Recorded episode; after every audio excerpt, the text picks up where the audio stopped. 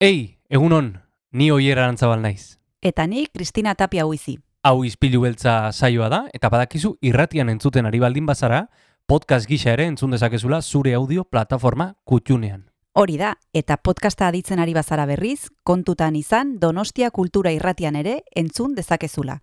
FM eundazazpi puntu lau frekuentzian. Sare sozialetan ere topatuko gaituzu noski, izpilu beltza bilatuta, Instagram, Facebook eta Twitterren. Besterik gabe, guazen gaurko saioarekin. Az gaitezen,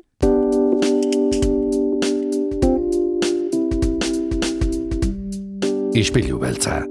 Donostiako kulturaren berri, Oyer Arantzabal eta Kristina Tapia buizirekin. Egun honen zule, osteguna da, urtarrilak emeretzi ditu, eta gaur donostian egun berezia da, ze San Sebastian bespera ospatu behar dugu, baita hemen izpilu beltzen ere. Ospatu edo, bueno, bintzat eh, aipatuko dugu, eta guk gure modura ospatzen ditugu gauzak. angulekin. Angulekin. Angule, angulekin eh, metafora gisa, ez? Eh, kulturaren angula. Aizu, nik ez dakit afalduko dituzun zuk. E, ni begitzat esate dizut ja ez ez. Nik ere ez, nik ere ez. Ez, dut uste luzaroan probatuko ditugunik, eh? nik ez ditut inoiz probatu, ez dakit. Ez, kontu Nor- korrontek ez Norakoak izango dir, ez du ematen. Ez du ematen, ez, ez, ez, gaude, Bueno, ez gaude bueno. Eta emango balu ere ez dakit, bueno, Ja. ez dakit. Ja, bai, bai, haizu, eh, nahiago beste gauza batzuk agian, ez? Agian bai, agian bai. Bueno, dena den gaur urtarriak emeretzi du, eta atzo iragarri genuen bezala, e, badekizue ostegunetan Josemi Beltran etortzen dela, Donostia Kulturako zine unitatearen zuzendaria, Mm. berak ekartzen dizkigu pelikulak eta gauza interesgarriak, eta gainera, hitz egingo dugu oier Mari Garziarekin, berak zuzentzen baitu mintzoan kuskus izena duen ekimena, irakurketa kluba da, badekizue galtzagorri elkarteak eta Donostia Kulturak e, antolatzen dutena, larun batetan amaiketan elkartzen dira aur liburutegi nagusian eta bueno, besteak beste nahi dute e, irakur zaletasuna bultzatu eta horretarako gurasoak e, implikatu nahi dituzte eta ikusiko dugu ze e, klabeak emango dizkigun ba umeekin gehiago irakurtzeko. Tira, mintzoan kuskus, ekimen ederrak gorko izpilu beltzen, sinema ere bai, gauza asko, eta Jon Garziaren musika. Guazen Jon, gaurko saioarekin. Guazen.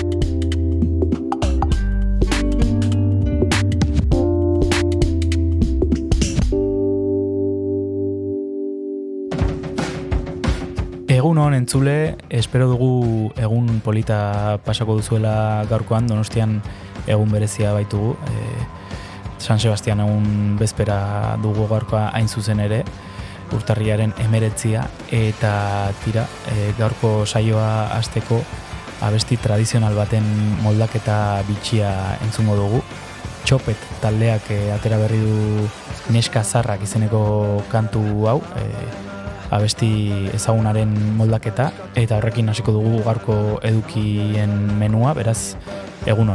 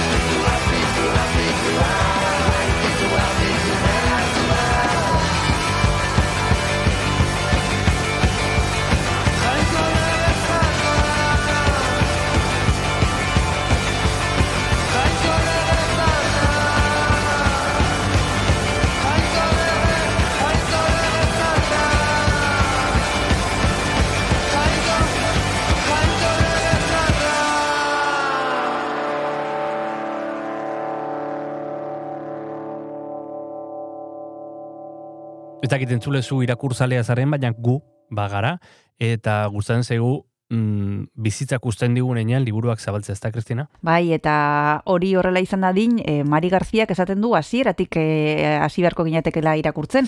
Hau da, umeekin e, eta beraiek proposatzen dutena horixe da, irakurketa kluba, e, mintzoan kuskus izena du, elkartzen dira aur liburutegi nagusian gurasoak ere, bai, egon behar dute, Mhm. e, gurasoek egon behar dute, eta e, emango dizkigu klabe batzuk jakiteko e, nola sustatu irakur zaletasuna eta nola egin, ze antza fase bat da, hasierakoa eta gero hor, mm, ba, amabi urterekin edo, e, pixkat bera doa, e, animo hori, eta berak esplikatuko digu nola egin, ba, irakurtzaletasuna, irakurtzaletasuna e, egoteko beti goi-goian. Ba, bitu, anedota kontako izuz, nahi amabi urtekin etorretzea irakurtzaletasuna, eh? ez lehenago. E, amabi urtekin, bai, gogoratzen Bueno, dut... eh, ino, inoiz, ez da, inoiz ez da berandu. Ez da berandu, ez, ez, baina ni amabi urtekin gogoratzen dut DBH-en, eta irakasle batek oparitu zian liburu bat, eta hasi nintzen irakurtzen, da hortik aurrera, e, pues, ez, bolaraka, baina, baina irakurzale xamarra e, bihurtu nintzen, beraz, bueno. E, dena dela, gaurko gonbidatu entzuteko momentu eritzi zaigu, mintzoan kuskus ekimenaz. Duda du, dodoak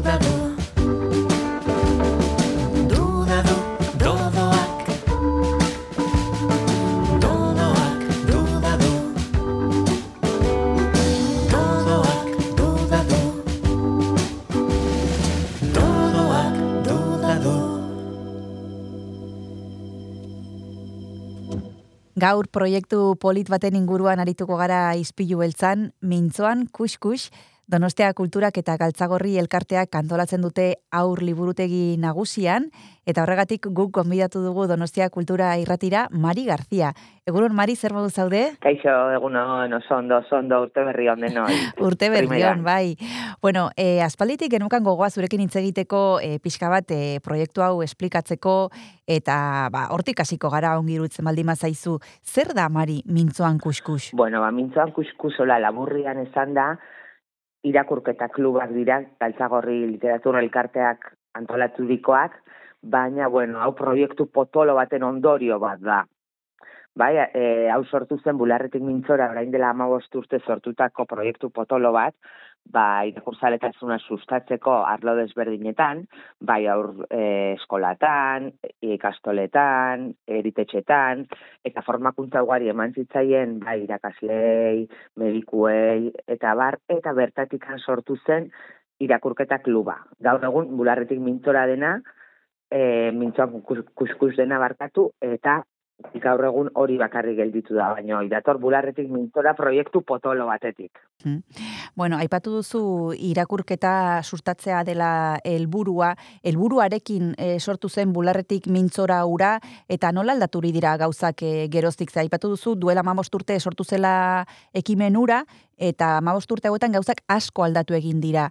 E, helburuak berdinak dira or, e, orduan eta orain? Bai, bueno, irakurketa kluben inguruan helburuak berdina dira, baina bai ikusi dela, ba, formakuntza ugari eman ondoren leku desberdinetan beharrezkoa zela liburutegitan lanketa handiago bat egitea. Eta hortik dator mintzoan kuskus.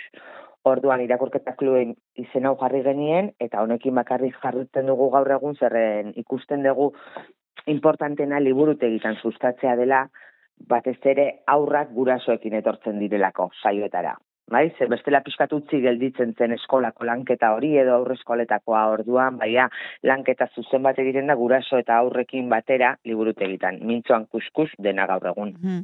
Eta zergatik da garrantzitsua mari aurrak gurasoekin joatea? Ba, garbi gelditzea nahi izaten deni beti ez dela ipuin kontaketa bat, ez dira etortzen ipuin bat entzutera, baizik eta lanketa bat egitera. Hau da, gurasoak etortzen dira ikastera ze material dagoen ona beraien aurrentzako, eta aurrak disfrutatzera. Baina importantena niretzako saio hauetan da gurasoa jakitea nola eta zer landu beraien aurrekin adinaren arabera. Orduan arlo desberdina lantzen ditugu olertitxoak, asmakizunak, albun ilustratuak, abestiak, denetik. Orduan, gurasoen parte hartzea oso importantea da, zegero beraiek egingo dute etxean, egunero Mm. tartetxo bat beraien Mhm. aurrekin. Orduan, irizpideak ematen dizkiego gurasoei, saio hauetan. Horren inguruan arituko gara oraintxe bertan, baina gian goazen pixkat atzera eta kontatu behar dugu edo galdetu nahi dizugu e, zeinentzat den, printzipioz, e, gurasoak aipatu dituzu, baina aurrak e, ze adintartekoak, e, bueno, pixka bat zeinentzat dago prestatua. Bueno, ba, berezi proiektua dago bideratuta, zero urtetik hasi eta hamar urte arte. Baina zero hiru urtekoak ba, ateratzen dira, baina gutxiago, ze adina pixkat komplikatua da, oso aurrak dira, osea, jaio berriak dira, orduan gaixo daudela, bestea dela, urtean behin edo ateratzen dira, eta batez ere lana gehiena egiten duguna gu da, hiru zortzi urtekoekin. Hiru, sei urtekoak saio bat, eta sei zortzi urtekoak beste saio bat eta horiek etortzen dira gurasoekin. Aipatu dituzu gurasoak, e, baina bueno, ni egon naiz e, horrelako ekitaldi batzuetan eta batzuetan okerragoa da gurasoak bertan egotea, e, bueno, astoratzen direlako gehiago eta bueno, ez dakit, e, zuen esperientziagatik e, nola izaten dira e, saioak, e, nola egoten dira umeak, nola egoten di- nola egoten gara gurasoak ere bai, batzuetan okerragoak gara gu. Mm, Bai, bai, arrazai dezu, lertzen dezut, ez, izan nahi dezun, ze beste saio batzuetan, ba, ipuin kontaketak edo direnean, e, aurra gurasoekin askotan okerrago egoten dira, baina saio hauek izan dizuten bezala ez dira ipuin kontaketa bat, baizik eta lanketa bat dira, klubak dira. Orduan garrantzitsua da gurasoak parte hartzea zeren, beraiek gidatzen dute saioa esaterako. Ni beti ematen diet etxeko lan bat, orduan hasten gara, eta beraiek beraien etxeko lanarekin hasten dira, badibidez, e, olerkitxo bat ekartzen dute prestatuta etxetik, edo asmakizuntxo bat, gero ni kontatzen diet algun ilustratu bat adibidez eta beraiek parte hartzen dute, beraien gurasoekin ere, asmakizunetan ere gurasoak parte hartzen dute aurrak bezala xe.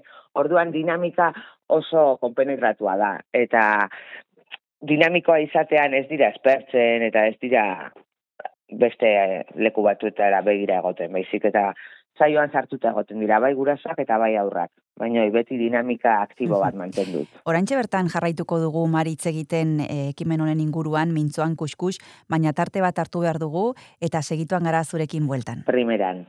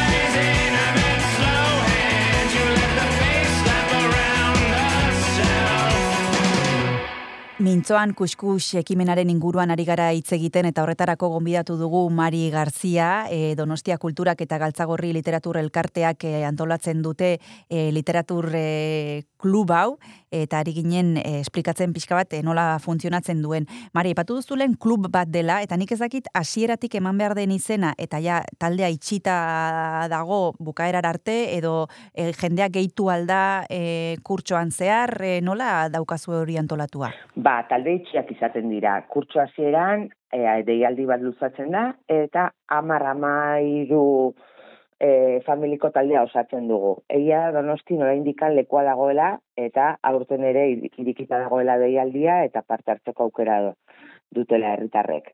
Baina behin taldea izten denean gustatzen zait jarraipena egitea talde berarekin. Zeren juten geha em, ipuin berdinak lantzen, edo irakurketa jarraituak egiten, edo etxeko lanak nola ematen dizkieten, ba, pixkat aria jarraitzeko talde itxiarekin egiten dugu lan. Bai, normalean hiru edo sei saio izaten dira, eta beti berdinak etortzen dira.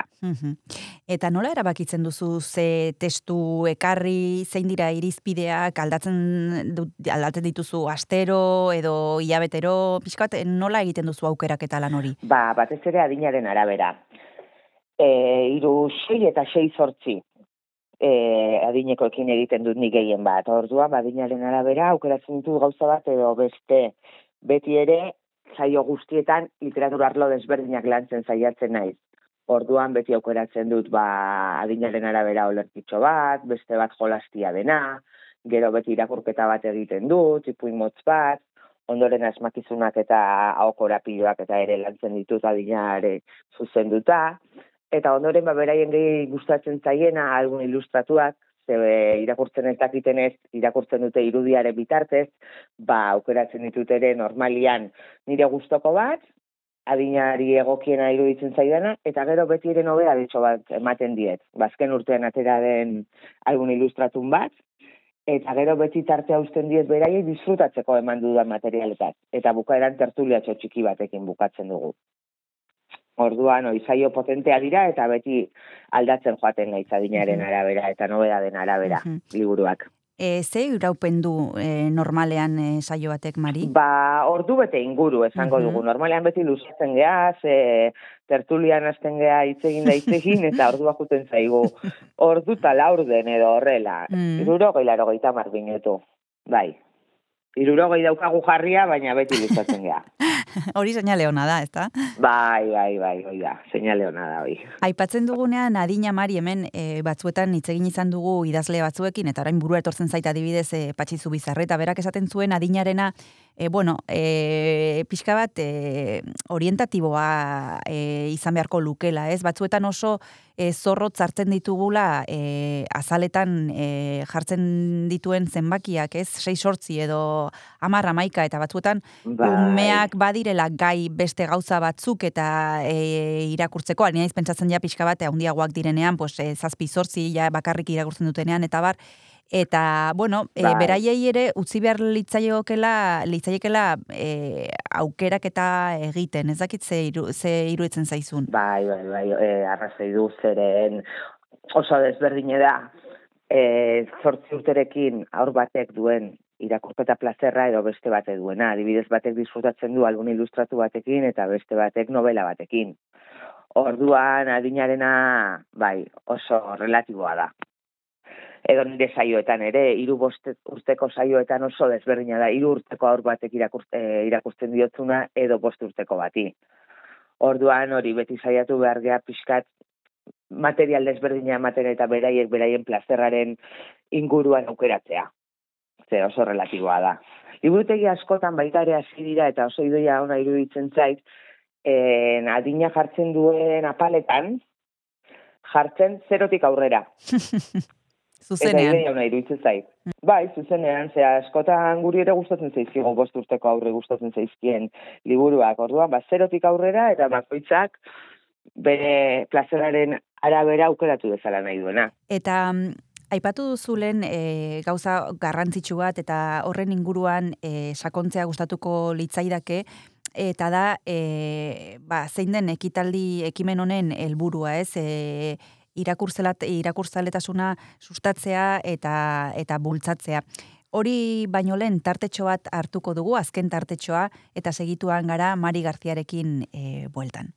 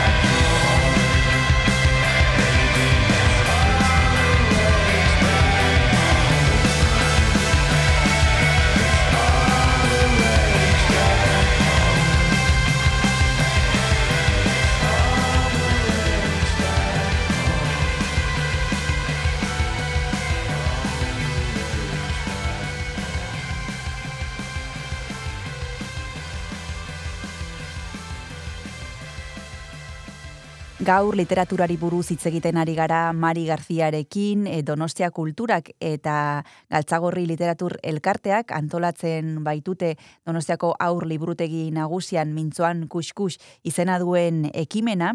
Eta hasieran aipatu dugu gauza oso garrantzitsu bat eta da zein den eh, ekimen honen helburua. Eta da e, ba, bueno, irakurzelat, irakurzaletasuna e, bultzatzea, sustatzea eta horretarako oso garrantzitsuak gara gurasoak. Eta horregatik dira e, parte e, garrantzitsu bat e, ekimen honetaz ez, Marik e, hasieran aipatu duen bezala. Batzuetan e, galduta sentitzen gara eta ez dakigu nondik hasi. Pentsatzen dugu e, liburu bat irakur behar, irakurri behar diegula gauean, eta listo, baino zuk hemen, beste klabe batzuk hemen ematen dituzu, ezta? Bai, bai, bai, e, arrazoi dezu, gehien bat preocupatzen diena gurasoi da, nundik hasi edo zerri heldu edo beti liburutegira junda, bai liburu asko, baina zer da ona nire aurraren zat. Orduan, gure helburua hori da, irakurtzaletasuna sustatzeko gurasoak formatzea. Zeren, gero amar urterekin eskolatik liburu bat irakurtzeko bidaltzen dietenean, ez badute plazerra sentitu aurragotik alperrik aigea. Orduan, bat pauta txiki batzuk ematea gurasoei. Gurasoak jakiteko zen material dagoen, badibidez, adinaren arabera, ba, gauean ez dago liburu bat irakurri berrik. Badibidez, abestitxo bat, edo lertitxo bat, badaude liburu potoloak, orain burura etortzen zait adibidez bat diru lau maria goikoa, edo kontu zarrak, edo ba, urte askotarako balio duten liburuak. Orduan, ba, hortikan pasarte txiki bat irakurtzea, edo aukora pilo bat, auskerak lantzeko, orduan pautak ematea literatura arlo desberdinak nola landu, eta ze e, altxortxo dauden arlo bakoitzean. Eta gero baita ere oso garrantzitsua, beti zaio e, hasieran ematen diet, gurasoei, bibliografia jakin dezatela beraien aurrentzako zein liburu dauden liburutegian egokiak. Orduan baia zerrendatxo horrekin ja badute nun bilatu ze material ona dagoen beraien aurrentzat. Eta botako dizut Mari beste aurre iritzi bat edo nik ikusi dudana behintzat ez dakite zuk esango diazun bai ala ez, eh? baina eruditzen zait e, gurasoak hurbiltzen garela liburutegietara e, aurrak oso txikiak direnean, ba, liburuak oso ederrak direlako eta liburuaren egunan erosten ditugu, albun ilustratuak eta bar, baina gero hori pixkanaka pixkanaka galtzen e, joaten dela eta ez ditugula laguntzen umeak ba, haundiagoak direnean.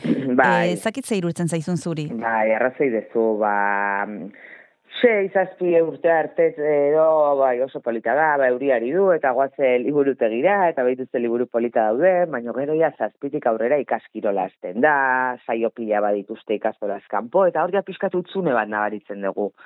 Eta hor bai pizka gehiago tiratu behar dela bilatzeko familiak eta hor niretzako importantena da lanketa bat egitea gaur egungo realitateari ustartuz.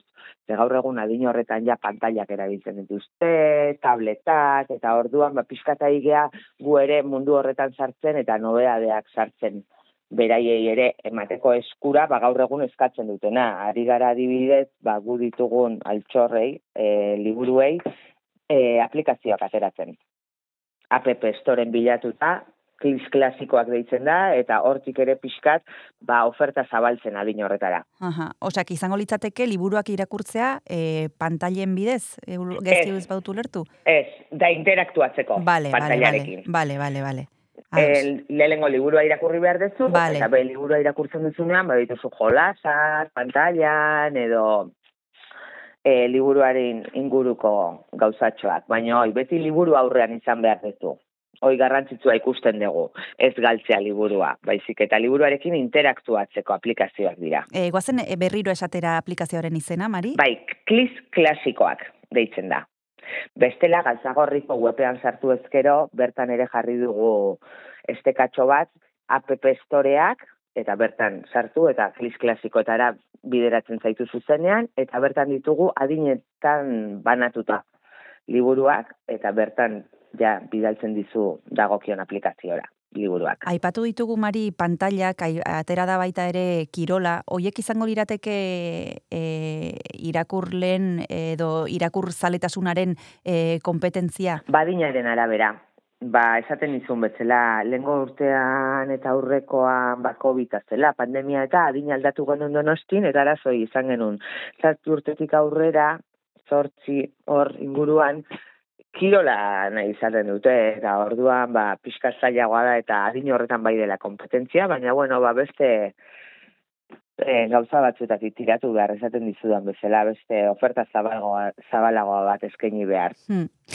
Eta batzuetan, e, uste dut, em, gurasoak e, tematzen garela, ba, hori, hasieran esan dugun bezala, e, aurrek e, ba, irakurre dezaten, eta liburutegietara eramaten euria egiten duenean, eta bar, baina ze puntur arte garrantzitsua da gu izatea eredu ez? E, gu ez baraga ez bagara liburutegitara hurbiltzen, gu baldima gaude denbora guzian pantailak brekin, gu ez guk ez badugu irakurtzen etxean, ez? Azkenean hori ere izan daiteke e, giltzarria. Bai, bai, bai.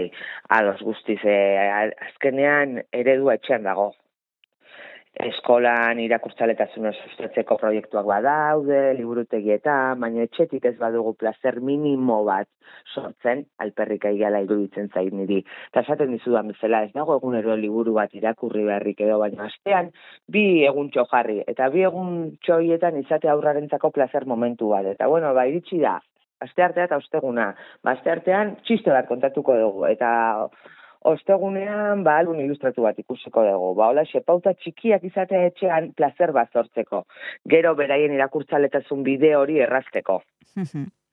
Eta berandu da asteko, ze lehen aipatu duzu, bueno, amar urtekin ja, bueno, ezakite norbait baldima dago tel, irratiaren beste aldean entzuten, eta e, sortzi amar urtekume bat baldima dauka etxean, eta orain arte ez du horrelakorik egin, e, berandu izango litzateke berarentzat? Eh, zinaiz ez da berandu. Noski, ez, ez, zinaiz ez da berandu. Be, denoi baita ere momentu desberdinetan sortzen zaigu zirrarak desberdinak orduan hori errespetatu beharra dago eta beti ongietorria da momentua. Así que alde hortatikan beti ongi etorri. Mari, bukatzeko, e, ze liburu mota edo ze liburu e, gomendatuko zenituzke asteko? E, ba, ezakit, e, oso txikia den ume bat e, baldimadu norbaitek etxean, non dikasi? Ba, mm, adibidez, hori, leno komentatu dizudan bezala, ba, liburuak, e, oinarrizko bibliografia deitzen diogu guk, eta dira adibidez babat biru lau maria goi, goikoa, e, begira begira, errizulo, ba, txikitatik erosi eta dira liburu batzuk, ba, aurra jaiotzen denetik amar urtera arte erabiltza dituzunak. Eta bertan daude denetik, daude elkarrizketa txikiak, tradiziozko ipuñak, abestiak, aukora piloak denetik. Ordu noiek altxor batzu dira. Baina orain txola nobeda dia burura etortzen nahi zaidana, Durangoko azokan aurten erosin dudana izan da dindilindan peio ainorgaren liburutxo berria. Eta hoi ere altxor bada. Ze, zartzen dizudan bezala ari gara baita ere pixka, ba, gaur egungo realitateara modernizatzen. Eta peio ainorgak atera du liburutxo hau, eunda irurogoita malau bideoekin. QR bat du, liburuak, eta orduan pasatzen duzu mobilarekin eta dituzu ba jaiotzen denetik nahi duzun arte erabiltzeko tradiziozko abesti, konjuro, aukora pilo denetik, eta errestatzuna ematen dizu bideoan ikusten dizula nola jolasten dan, eskuekin zer egin behar duztun, salto egin behar duztun. Orduan oso oso politia dindilindan pedo ainorgarena azkeneko nobea de bezala. Eta bestela, ba, esan dizkizu ere, altxor batzu dira begira begira, egizu lo, Maria Goikoa, liburu potoloak. Eta albun ilustratuen inguruan bai. ere, ba aurregien gustatzen zaiena denez, nik ere baditut kutsunak batzuk, eta bat esatezko zadibidez, mostu arroxa. Ah, Berdintasuna bai. lantzen du, bai. oso divertigarria da, eta hoi ere politia. Oso ondo, Mari, ba, puntatu ditugu denak, e, norbaitek nahi badu, badu nondik hasi, Eta esan bezala, e, donostian oraindik e, lekuren bat badago, e, nahi izan ez gero mintzoan kuskus aur liburutegi nagusian anegongo da e, Mari Garzia eta beste ume batzuk eta beste guraso batzuk e, literaturari buruz e, eta irakurketa e, balantzen, eta esan duen bezala ez da ipuin kontaketa bat, beste gauza mordoa egiten dituzte bertan, beraz, e, gonbitea luzatzen diegu, eta zuri, Mari, eskerrak eman, eta hurrengor arte, plazerra izan da, eskerrik asko. Eskerrik asko zuei, eta hoi esan dezun bezala, gonbidatuta, donostiar guztiak etortzera, ze ordu betutxo oso divertigarria pasatzen dugu, saioak oso oso dinamikoak dira, eta etorri ikustera, eta mila esker zuei ere interesagatik. Ederki, ba, urrengor arte, Mari, besarkada bat. Urrengo arte, musu bat denontzat. Aio, aio. Igandea da Brooklyn auzoan Uda beteko giroa Gospera ez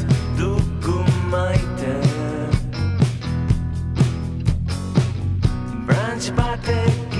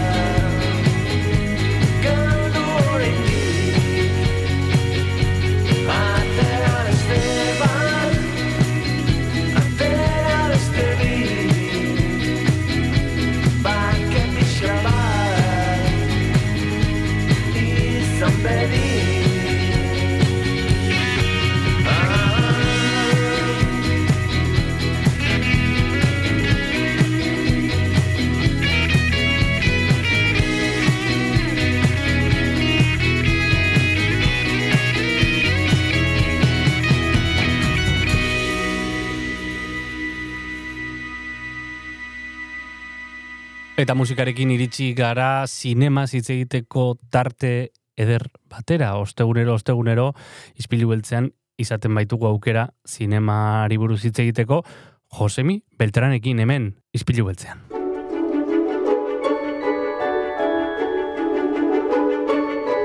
Azpitituloak, subtitulos, Josemi Beltranekin.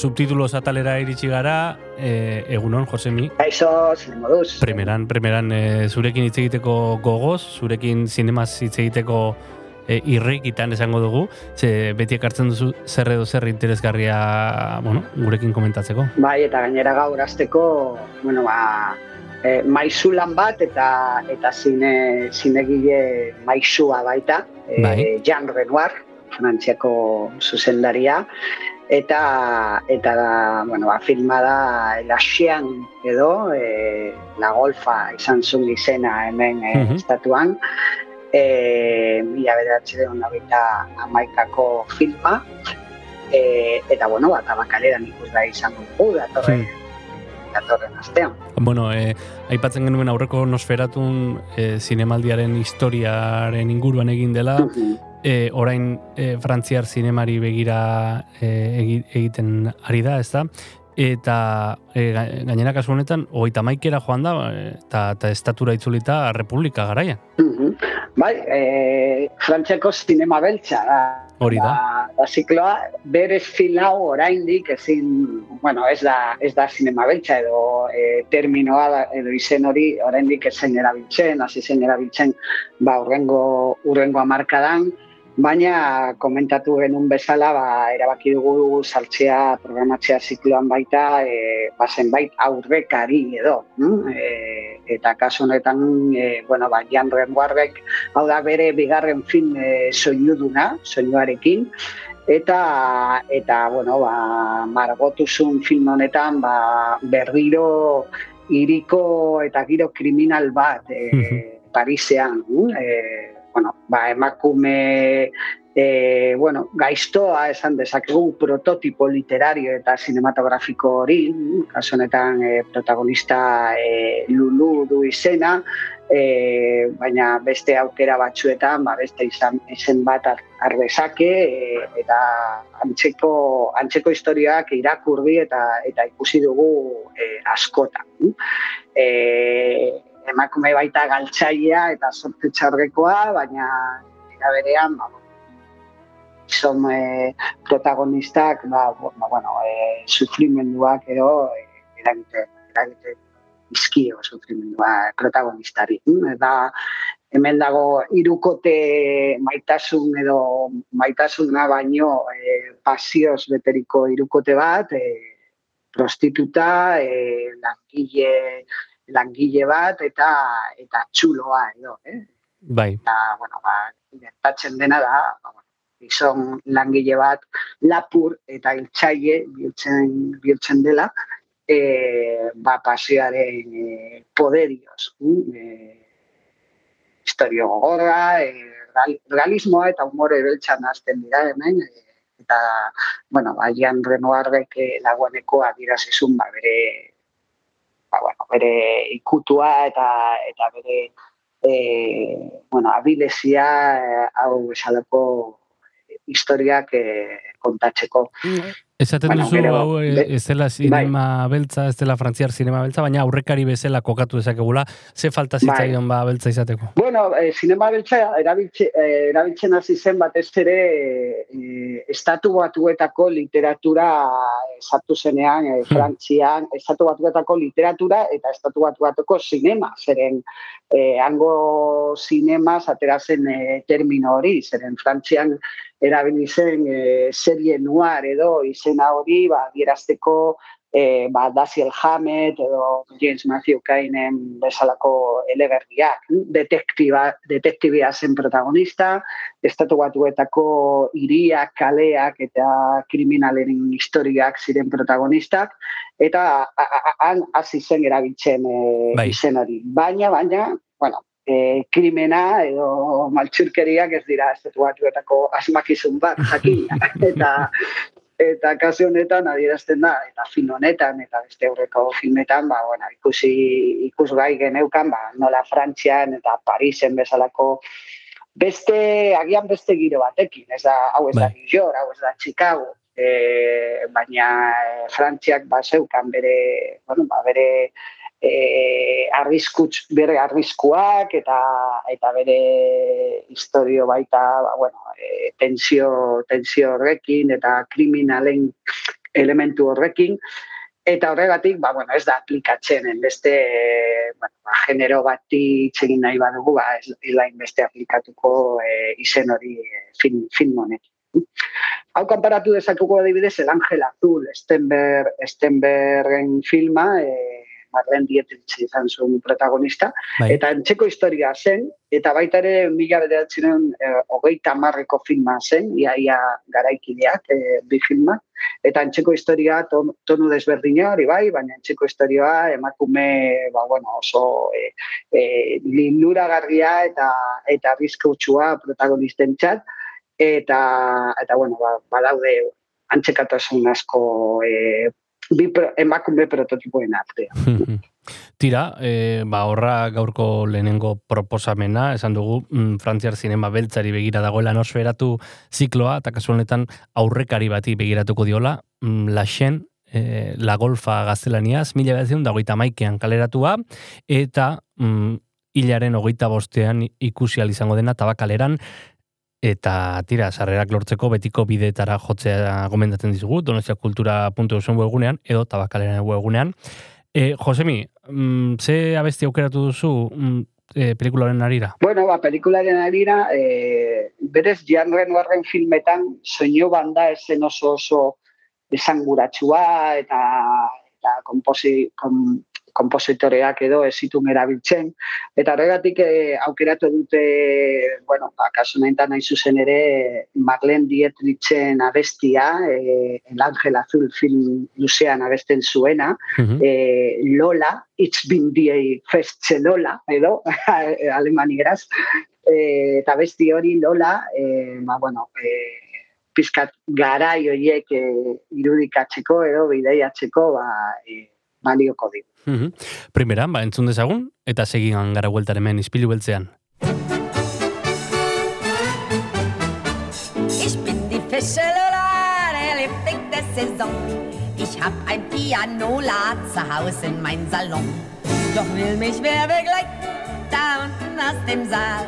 Dem hau ich in die Seiten und tritt ihm aufs Pedal. Ich bin die Fische Lola, der Liebling der Saison. Hab ein Pianola zu Hause in mein Salon. Doch will mich wer begleiten, da unten aus dem Saal. Dem hau ich in die Seiten und dreht dem aufs Pedal. Lola, Lola, jeder weiß, wer ich bin. Sieht man nur noch mir hin, schon verwirrt sich der Sinn. Und allein am Klavier sing die Zeilen nicht mehr. Ich bin die Fische Lola, der Liebling der Saison. Ich hab ein Pianola zu Hause in mein Salon. Doch will mich wer begleiten, da unten aus dem Saal.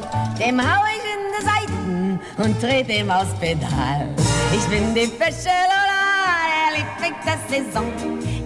Ein Pianola zu Hause in mein Salon. Doch will mich wer begleiten, da unten aus dem Saal. Dem hau ich in die Seiten und dreh dem aufs Pedal.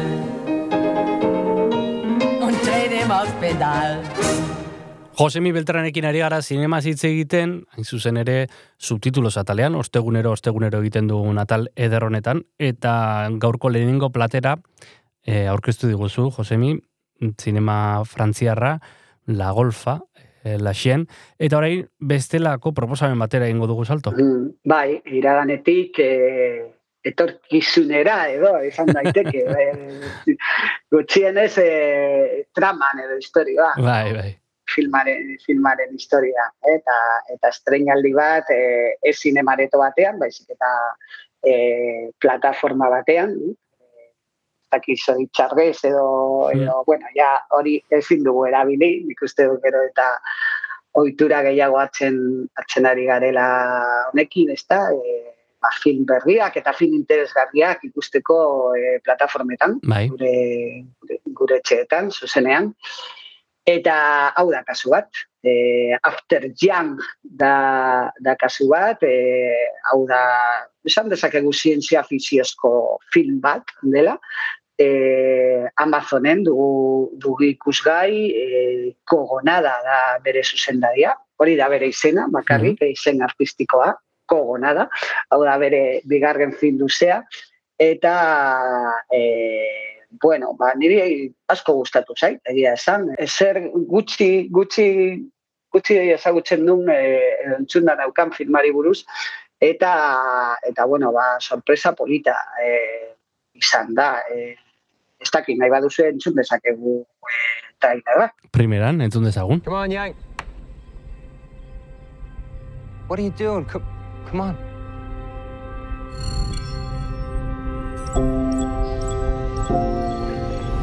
What happened to Yang? I don't know.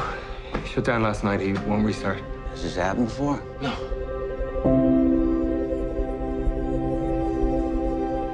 If we can't get Yang fixed. We're gonna buy another sibling for Mika. It is an interior core problem. I need your permission to break open the core. We've always known that some bots are equipped with spyware. You might not want this bot in your house anymore. I wish I had a real memory. What do you mean? After Young, despidiendo a Young, eh, estatuan, Espainiar estatuan ala estrenatuko da, eh, esan bezala film berri bat, eh, plataformetan aurkeztu den film bat, mm, zientzia fikzioa eh, eta erroboten kontuak ekartzen ziguna, ezta? Bai, bai, ja, e, inteligentzia artifiziala edo, eh? Mo- modan dagoen kontu bat, e, beste esparru askotan. E, hemen dugu familia bat, bikote bat, e, alaba batekin, eta e, bueno, ba, duela edo aspaldi erosi edo adoptatu zuten e, e, gizaki, bueno, ba, hori robot bat, edo gizaki artifiziala, e, ba, egoteko bere, bere alabarekin, eta, bueno, ba, filmaren historia da batez ere, nola gizaki horrek garatzen duen e, ba, sentimenduak, Mhm. garatzen ditu. Eh? E, izan daiteke, bueno, nik ikus, ikusi nuenean, ba, ba, gogoratzen zidan batez ere Blade Runner e, replikanten keskak, hm? baina eguneratuta ba, azkenen urteetako ba, eh, hausnarketekin eta topaketa zientifikoekin. hm? Mhm. E, hitz egiteko, ba, bueno, nola eh, beste motatako inteligentziak egon daitezke, e, bueno, ba, guk sortutakoak, eta eta memoriari ere, memoriari eusko filma da, oso polita nola e, bueno, e, deskubritzen den edo nola topatzen duten protagonistak e, ba, memori, e, nola e, robot honek e, ba, garatu du memoria, oroimenak e, eta sentimendu horiek eta zemotatako bizitza ba, neko bizitza izan du, oso film uste dut ba, e, sentimenduekin oso ondo e, lan egiten duena.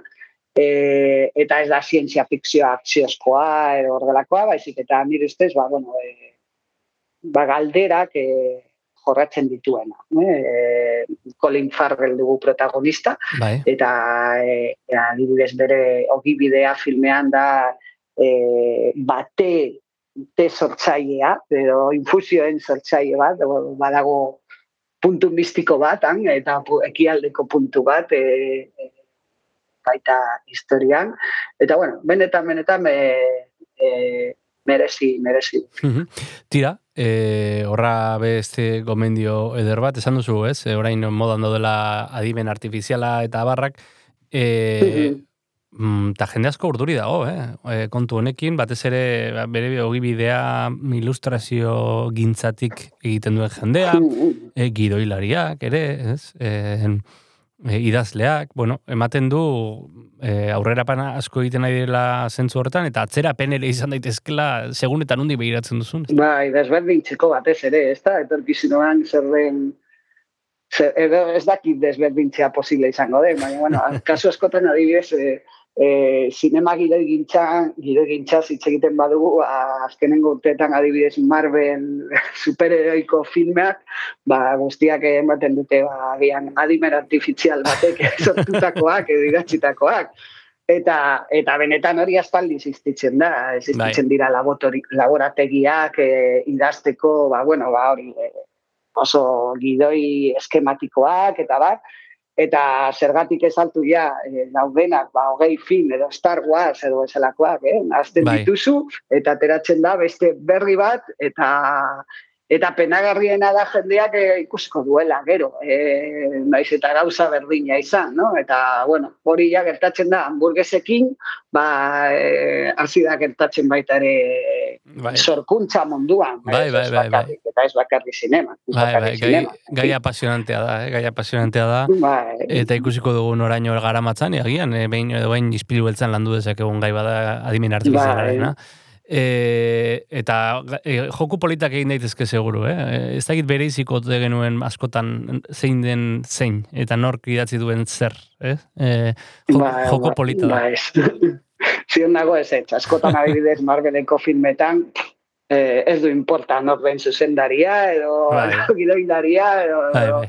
non daude desberdintasunak, ez da, de, bakarrik justu ba, aldaketa txikiak daude, baina dira, ba, bueno, ba, ba, variazio, variazio bezala. Hmm. Eta, eta bueno, ba, hori, ah, ne- dena den, ba, bueno, jendeak eskertzen du, abetiko kontuak ikustea, ba, agian, bo, e, e, sorkuntza, sorkuntza espergarria izango da gure etorkizuna? Guilty, guilty pleasure, guilty pleasure, esaten da. Guilty pleasure edo sorkuntza e, hilda. Hori ere, hori ere. Edo bizitzari gabeko, bizitzari gabeko, hori, produktu kultu- kulturalak. Bueno, ikusiko dugu, ikusiko dugu, kultura ere, kultura eh, definizioz eh, humanoa da, ez? Ez dakit, eh, Ba, eh? eh, hor, ez dizut, ez da pila bat zabaldu ditzakegu meloi hori zabalduz gero. Eh, Josemi, baina ez da horiek beste batera gutziko ditugu, irutze bat zaizu. Ba, bai. Eh, zea, ze- zea besti aukeratu duzu eh, orain gure adimen ez artifizialak kitzikatzeko. Bueno, ba, ja, erlajazio prozesu honetan, e, Yuichi Sakamoto, Japoniako e, musikaria, a, a, e, Mhm. musikariak hartu du parte After Young filmaren soinu bandan, eta, bueno, ba, besti bat sortu du e, pianoarekin, Memory, Memory Bank, edo, Bai. oroimenen ban, bankua, Bai? eta, ba, justu, ba, piano melodia hori aukeratu dute agur esateko. Primeran, ba, abesti eder honekin agurtuko gara. Josemi, bezarka handi bat, eta gogoratuko dugu, mentzuleak dagoeneko badakien arren, datorren ostegunean berriz egongo garela, hemen, Donostia Kultura Irratian. Ba, bai, laster arte. Agur, agur. Agur.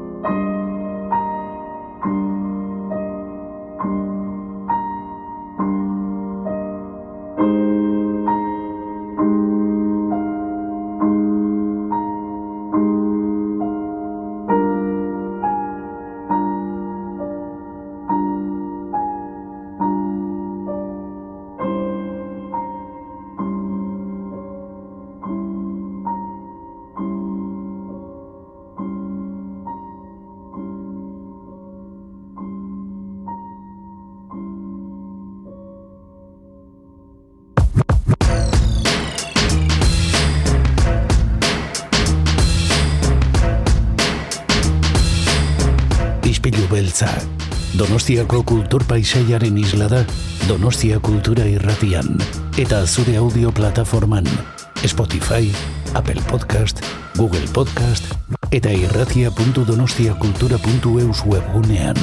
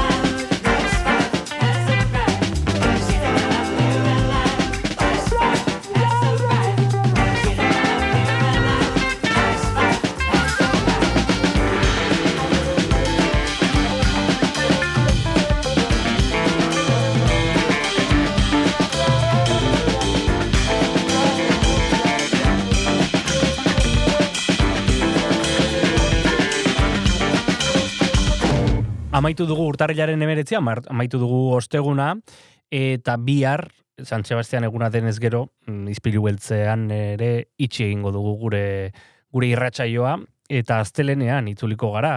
Astelenean ohiko legez Mikel Iturriarekin kultur periskopiari begira eta Gero, pornoa, zitzein behar du? Bai eta ez, e, bai eta ez, e, pixka bat, e, badekizue porno izena duen e, ikuskizuna ikusteko aukera izango dugu laurtarrilaren hogeita bederatzean lugaritzen, guk konbidatu dugu zuzendaria eta egilea, Maxi Rodríguez, eta kontatuko digu, e, zergatik jarri dioten antzeslanari izen hori, eta ea e, zerbait argitzen digun, zerbait gehiago. Baina hori astelenean izango da, eh? Hori da, hori da, astelenean. E, ez galdu izpilu beltza, badakizu goizero, goizero daukazola zita gurekin e, Donostia Kultura Irratian, FM undazazpi.la frekuentzian, eta nola ez, edo zein momentutan, e, Spotify, Apple Podcast, Google Podcast, edo zur punta jartzen zaizun plataformaan, baita irratia.donostiakultura.eusen. Eta besterik ez, e, astelenera arte? Astelenera arte, asteburu luzeon. Agur.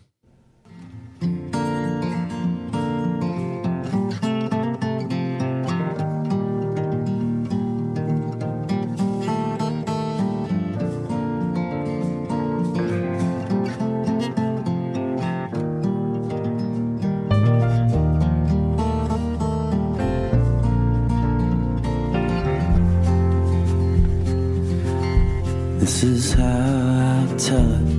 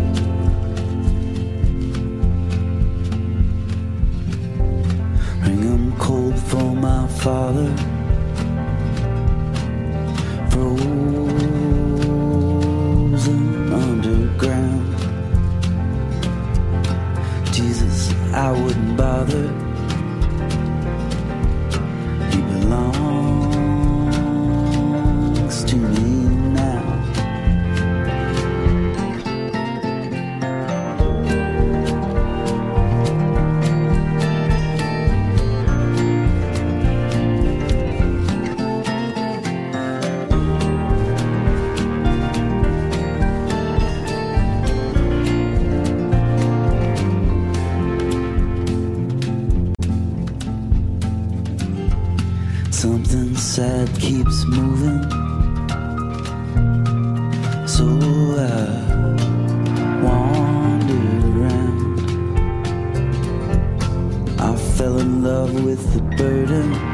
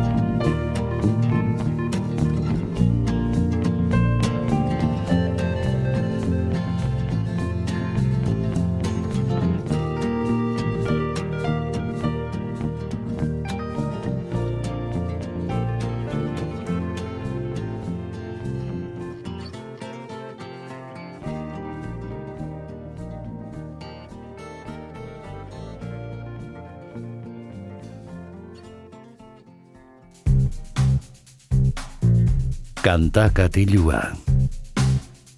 Jon Gartziaren eskutik. Ostegun honen zule, iritsi gara asteko azken ispilu beltzari agur emateko agur esateko unera eta badakizue kantakatiluan musika entzuten dugula asteburua gogoz asteko, asteburu luzea kasu honetan eta dantzaz e, astea gustatzen zaigula. E, gaurkoan Wolfpack taldea talde estatu batuarraren azken lana ezagutuko dugu. Sweets, e, edo zakit nola esaten den, baina Sweets esango dugu, e, da lan honen e, izena, seigarren estudioko lana demagun, e, izan ere grabaketa ugari ditu talde honek izen desberdinen e, pean, baina e, seigarren diskoa dela esaten du internetek eta beraz kasu egingo dugu. Eta tira, besterik gabe, lehenengo abestiarekin goaz, hause da, sauna. not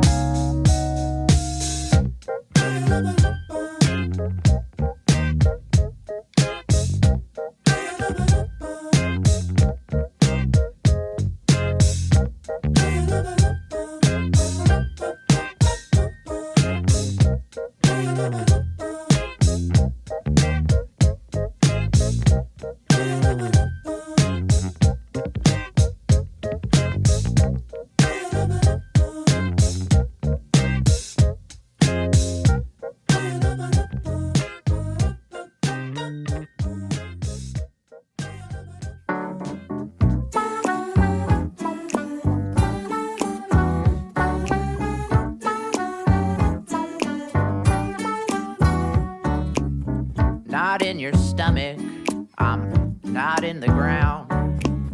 Not in a limousine cruising around town. I'm not a bug, not quite a germ.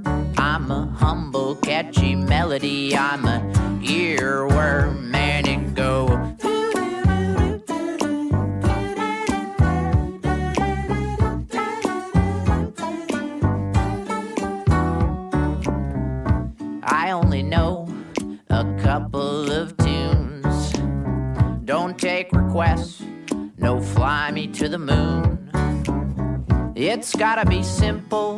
Got no time for rehearsal. How about that jingle from that jewelry commercial?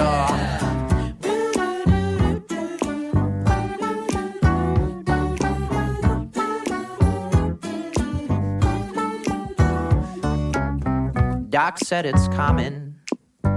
Doc said it's fine. Doc reassure him I'm totally benign. Cause when you search, if you're losing your mind, just remember earworms. Got to survive and it go out.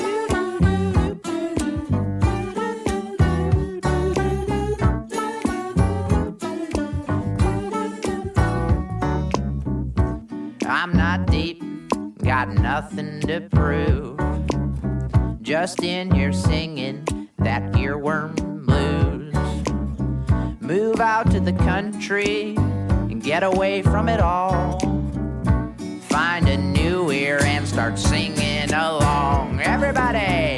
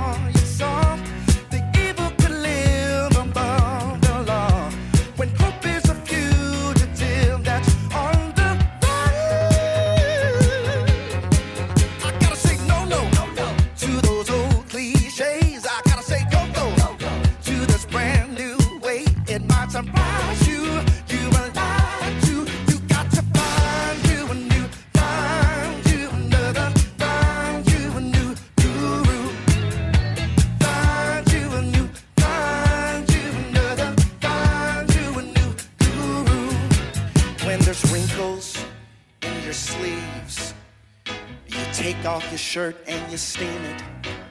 When there's dishes piled high in the sink, get out the sponge and you start cleaning.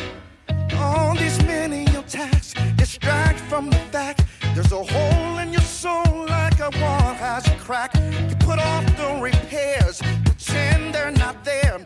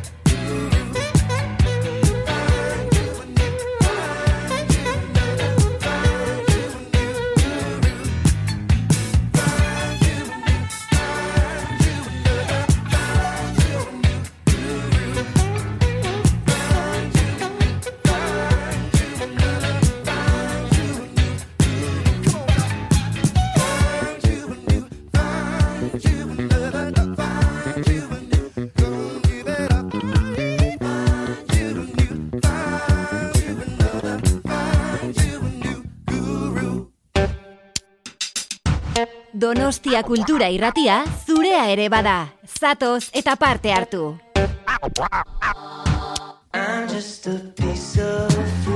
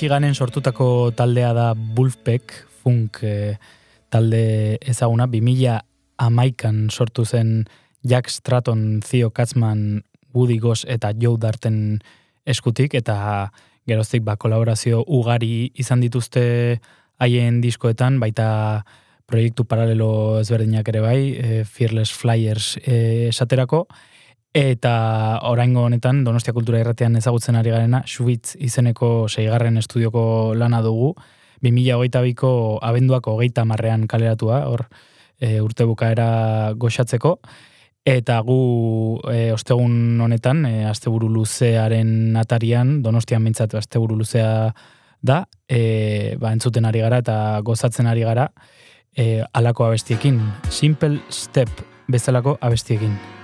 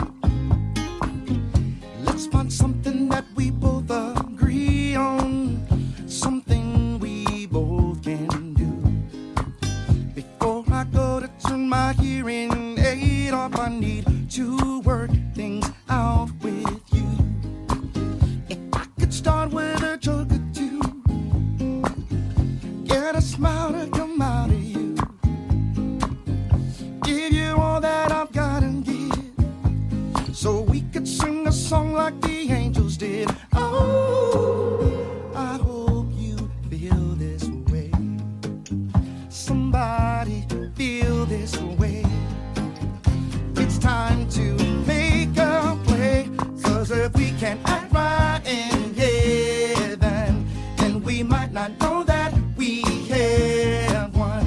Have one. How could we forget? Have one. It might not be the most perfect place there is, but think about what we'll tell our kids when there are a hundred reasons it shouldn't come between us? Tell me, how could someone not really get? Get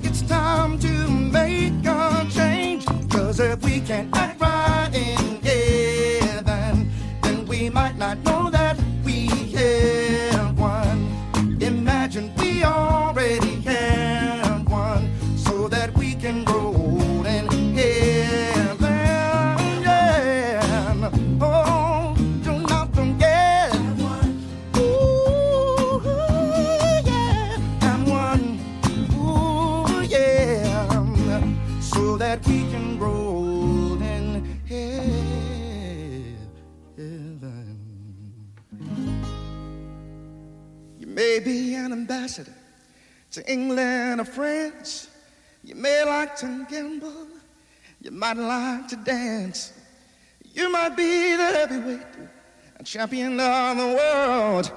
You might be a socialite with a long string of pearls, but you're gonna have to serve somebody.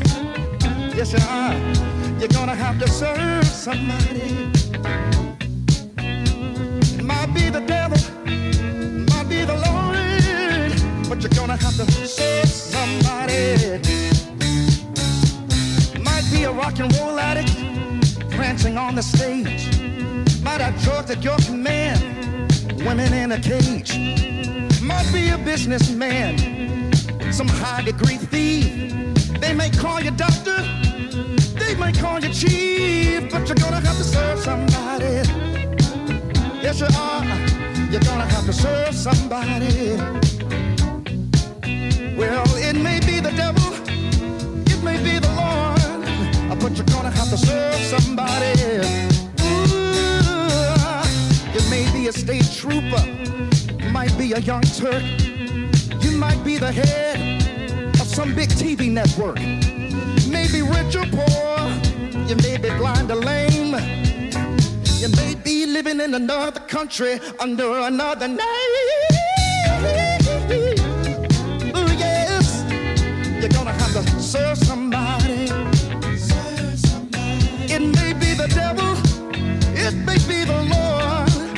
But you're gonna have to serve somebody. Ooh, you may be a construction worker working on a home. You may be living in a mansion. You might live in a dome. You might own guns. You might even own tanks. You might be somebody's landlord. You might even own a bank. But you're gonna have to serve somebody. You're gonna have to serve somebody. Be the devil. It might be the Lord. But you're gonna have to serve somebody. You may be a preacher with your spiritual pride. You might be a city councilman taking bribes on the side. You may be working in a barber shop, may know how to cut hair. You may be somebody's mistress or somebody's heir. You're gonna have to serve somebody.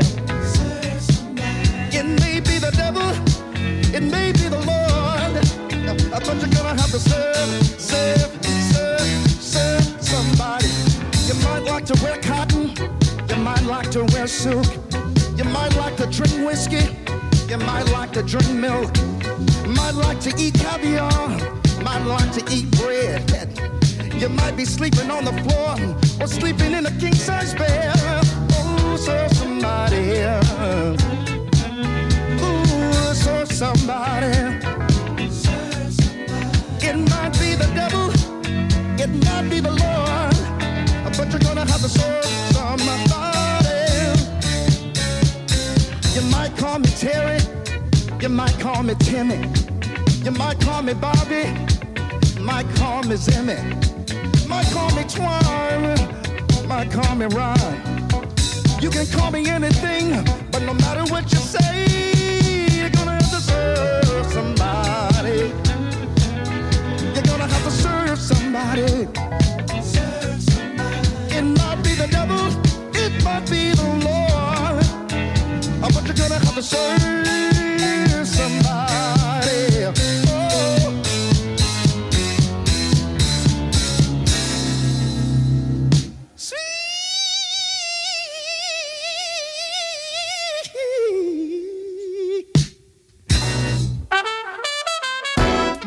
Donostia Kultura Irratia. Eun eta zazpi puntu lau.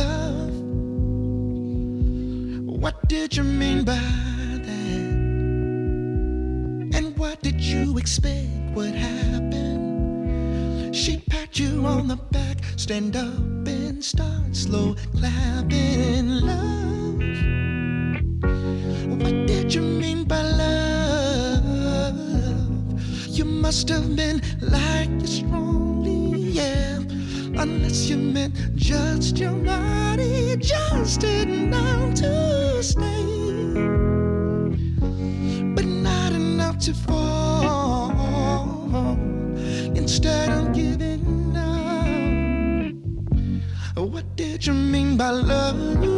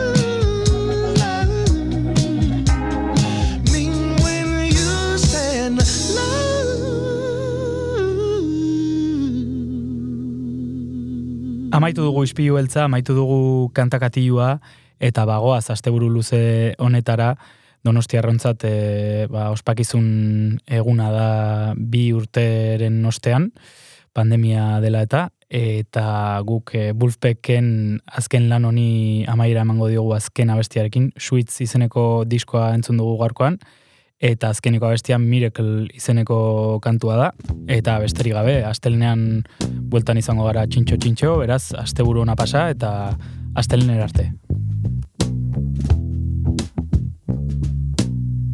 All life is a miracle, miracle, miracle. All life is a miracle.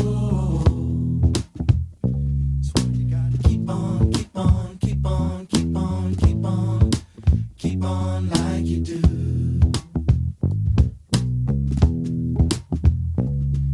Cause when they play that second line.